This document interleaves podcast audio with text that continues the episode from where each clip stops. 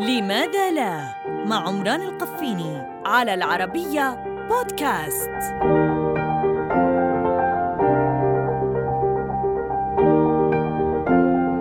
لماذا لا تطير بعض الطيور منفردة؟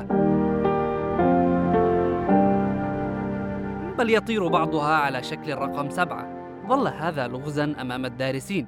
قبل عشرين سنة تزيد سنتين تقريبا ألصقوا أجهزة تقيس دقات قلوب الطيور المهاجرة وكانت المفاجأة. وجدوا أن دقات قلب الطائر تنخفض كثيرا إذا كان يطير في مجموعة ما يجعله قادرا على الانزلاق في الهواء دون الحاجة إلى تحريك جناحيه أي أنه باختصار يوفر طاقة.